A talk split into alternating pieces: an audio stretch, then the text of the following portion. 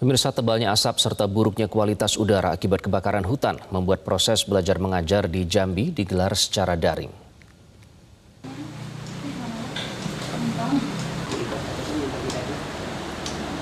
Kabut asap yang melanda kota Jambi membuat kualitas udara menjadi tidak sehat dan berbahaya bagi masyarakat, terutama bagi anak-anak. Menyikapi hal ini, pemerintah kota Jambi kembali memperpanjang proses kegiatan belajar mengajar yang dilakukan dengan pembelajaran jarak jauh atau secara daring.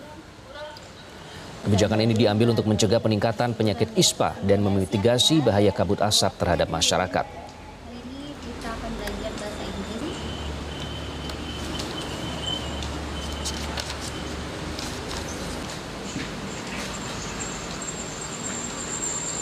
Anak-anak ya anak tentang deskriptif teks ya. Lah. Dapatkan informasi. Download Metro TV Extend sekarang.